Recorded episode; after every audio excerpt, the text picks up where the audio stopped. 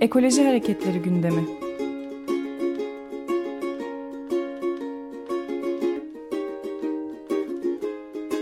Çevre ve Ekoloji Hareketi avukatları tarafından hazırlanıyor.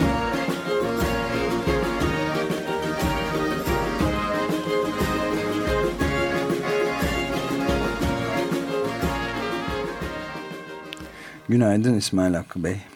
Günaydın, günaydın efendim. Günaydın Ömer Bey. Günaydın. Ee, Doğu Akdeniz'de termik santral meselesi e, epey bir süreden beri devam ediyor. Biraz Evet, bu evet.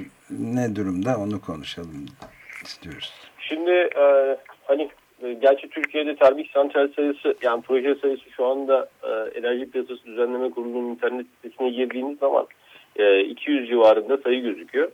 E, sadece bizim Doğu Akdeniz'de yani Mersin'le e, Hatay arasındaki sahil şeridinde bazıları 500 metre arayla olmak üzere yaklaşık 30 civarında termik santral projesi var. Bunların lisans alan 9'una biz bundan 3 yıl önce kadar dava açmıştık. Yani o davalarımız devam ediyor.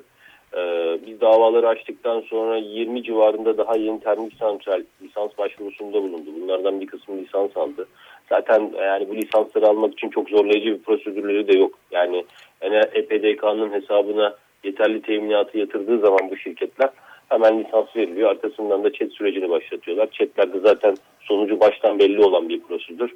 Yani bundan 3-4 sene önce bir rakam vardı benim elimde. 38 bin çet başvurusundan sadece 33 tanesi. Yani binde bir bile değil. Binde birin daha Altında. e, olumsuz olarak almış. Yani e, hemen hemen hepsi bütün çet başvuruları olumlu olarak sonuçlanıyor. Evet hiçbirinin çevreye Yani- zararı yok diyorlar yani. Yani yazıyorlar böyle efendim, yani üstad böyle 500 sayfa falan yazıyorlar işte o profesörler. Ondan sonra yani e, bu e, yani ben artık onları da insanlığa havale ediyorum. Yani e, milyonlarca insanın geleceğini etkileyecek, zehirleyecek olan yani bu canavarlara 500 sayfa yazıyorlar. Şöyle zararı var, böyle zararı var. Ondan sonra da en sonunda çek olumluya imza atıyorlar.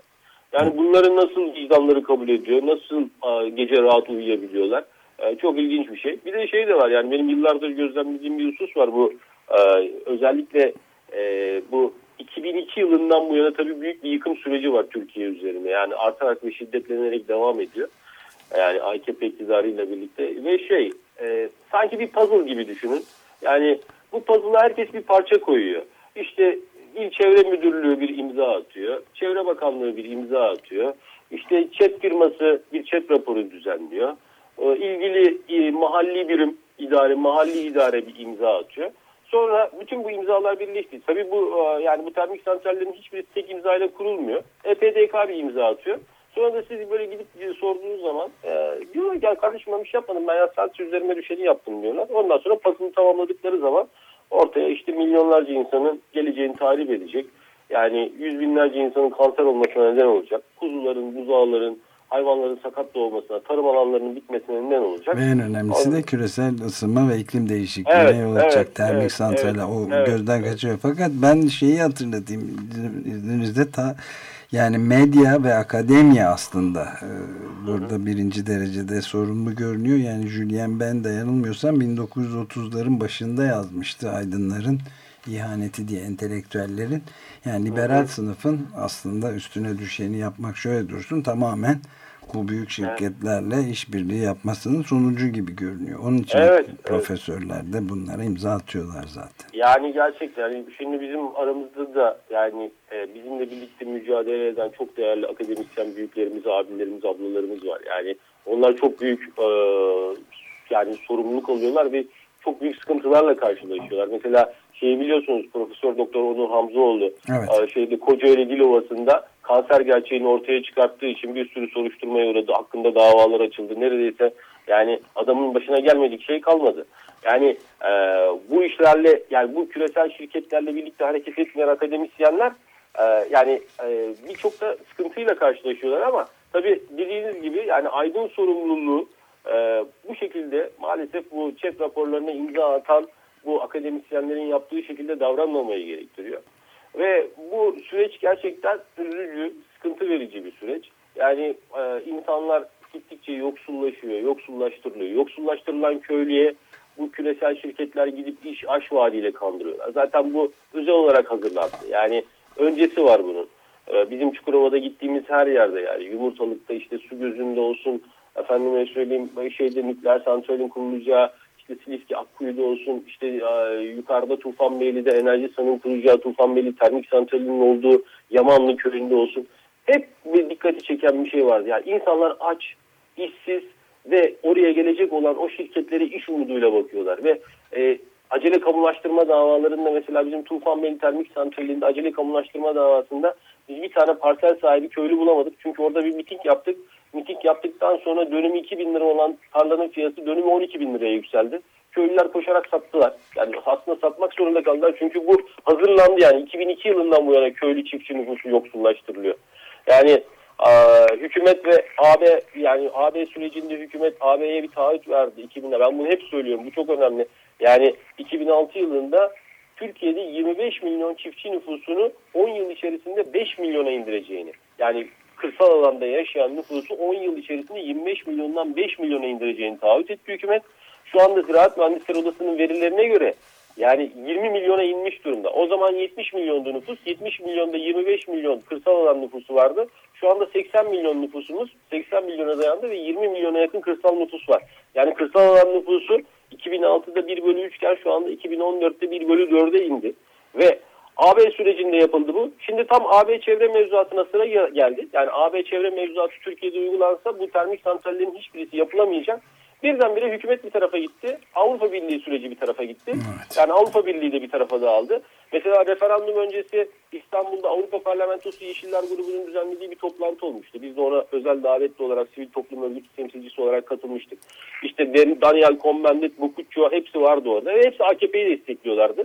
Ben hatta birkaç tanesiyle tartıştım. E işte biz bunları destekleyelim görelim dediler. Yani e, ne oldu? Bu nedir yani bu tiyatro? Yani bu ülkede gezi direnişini gerçekleştiren, aklı çalışan, dünyayı takip eden yani 5 milyon aslan yürekli insan bu tiyatroyu yutmaz. Yani kimse bize oyun oynamasın, böyle sahne koymasın.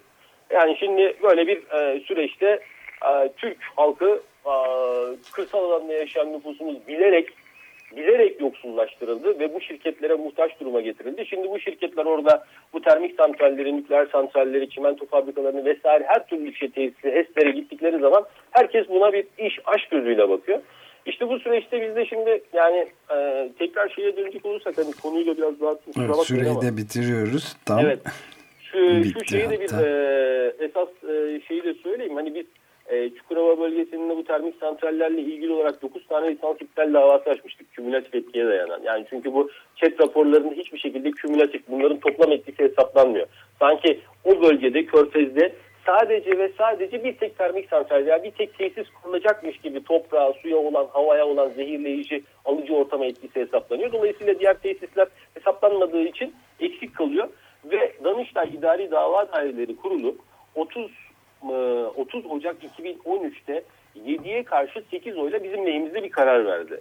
Yani bizim talebimizi kabul etti. 13. daire yürütmeyi durdurma talebimizi reddetmişti. Bunun üzerine biz itiraz etmiştik. Ve itirazımız üzerine Danıştay İdari Dava Daireleri Kurulu Türkiye'de iştihat oluşturan 7'ye karşı 8 oyla bizim lehimize karar verdi. Sonra hükümet ne yaptı biliyor musunuz? Bu kararı bypass etmek için 30 Mart 2013 tarihinde elektrik piyasası kanununa geçici bir 14. madde ekledi. Bir de elektrik piyasası 4 Mayıs 2013'te bir yönetmelik çıkarttı. Yönetmeliğin adı bakın evlere şenlik zaten adından ne menen bir şey olduğu belli. Elektrik piyasasında inşaatına başlanmış olan tesislere yeniden üretim üretim lisansı verilmesi hakkında yönetmelik. Yani diyor ki ey küresel şirketler yani burada sivil toplum örgütleri işte ülkesini seven insanlar yaşamaya çalışan insanlar dava açarsa yürütmeyi durdurma kararı alırsa falan siz sakın korkmayın. Siz bize tekrar başvurun. Siz inşaata başlamışsanız Ha, biz size tekrar şey vereceğiz diyorlar, lisans vereceğiz diyorlar. Yani böylesine bir tiyatro var Türkiye'de. Şu anda zaten Türkiye'de hani, e, parlamenter rejim e, kuvvetler ayrılığı falan filan yok yani. Yasama evet. organı diye bir şey yok. Sadece bir yürütme organı var.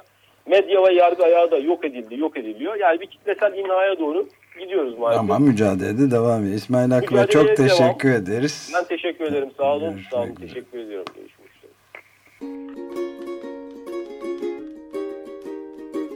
Ekoloji Hareketleri gündemi.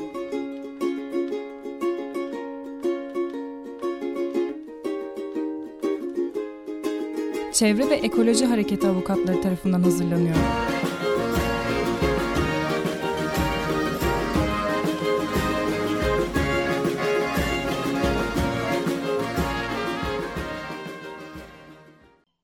Açık Radyo program destekçisi olun. Bir veya daha fazla programa destek olmak için 212 alan koduyla 343 41 41